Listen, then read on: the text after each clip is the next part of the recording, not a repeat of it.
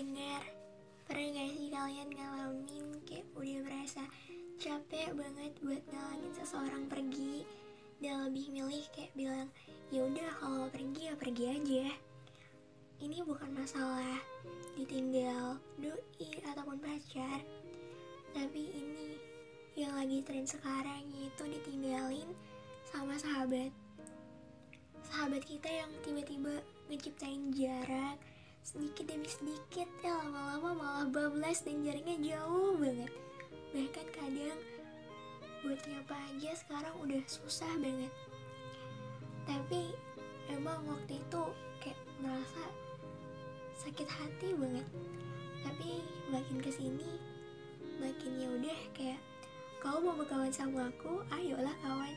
Tapi kalau kau tidak nak berkawan sama aku pergi udah tinggalkan itu kayak udah kepatri banget di dalam otak sekarang. Kayak udah males banget so asik sama orang. Males banget so hahaha cing. Dan ya emang sih kalau dipikir-pikir emang gak ada yang bakalan bisa jadi selamanya. Jadi ya udah sabar dan terima. Toh hidup ini bukan hanya tentang mereka